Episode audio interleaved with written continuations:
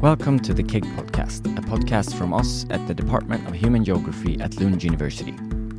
My name is August Ambjörnsson, and I will be the host for the first episodes of this podcast. In this podcast, I will invite you, the listeners, to learn more about the research conducted at our department. Since we are an international department, the episodes will sometimes be in Swedish and sometimes in English. In this podcast, we will focus on new human geography research.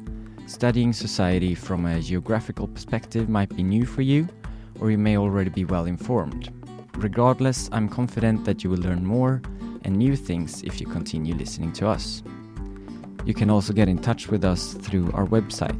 Visit keg.lu.se/en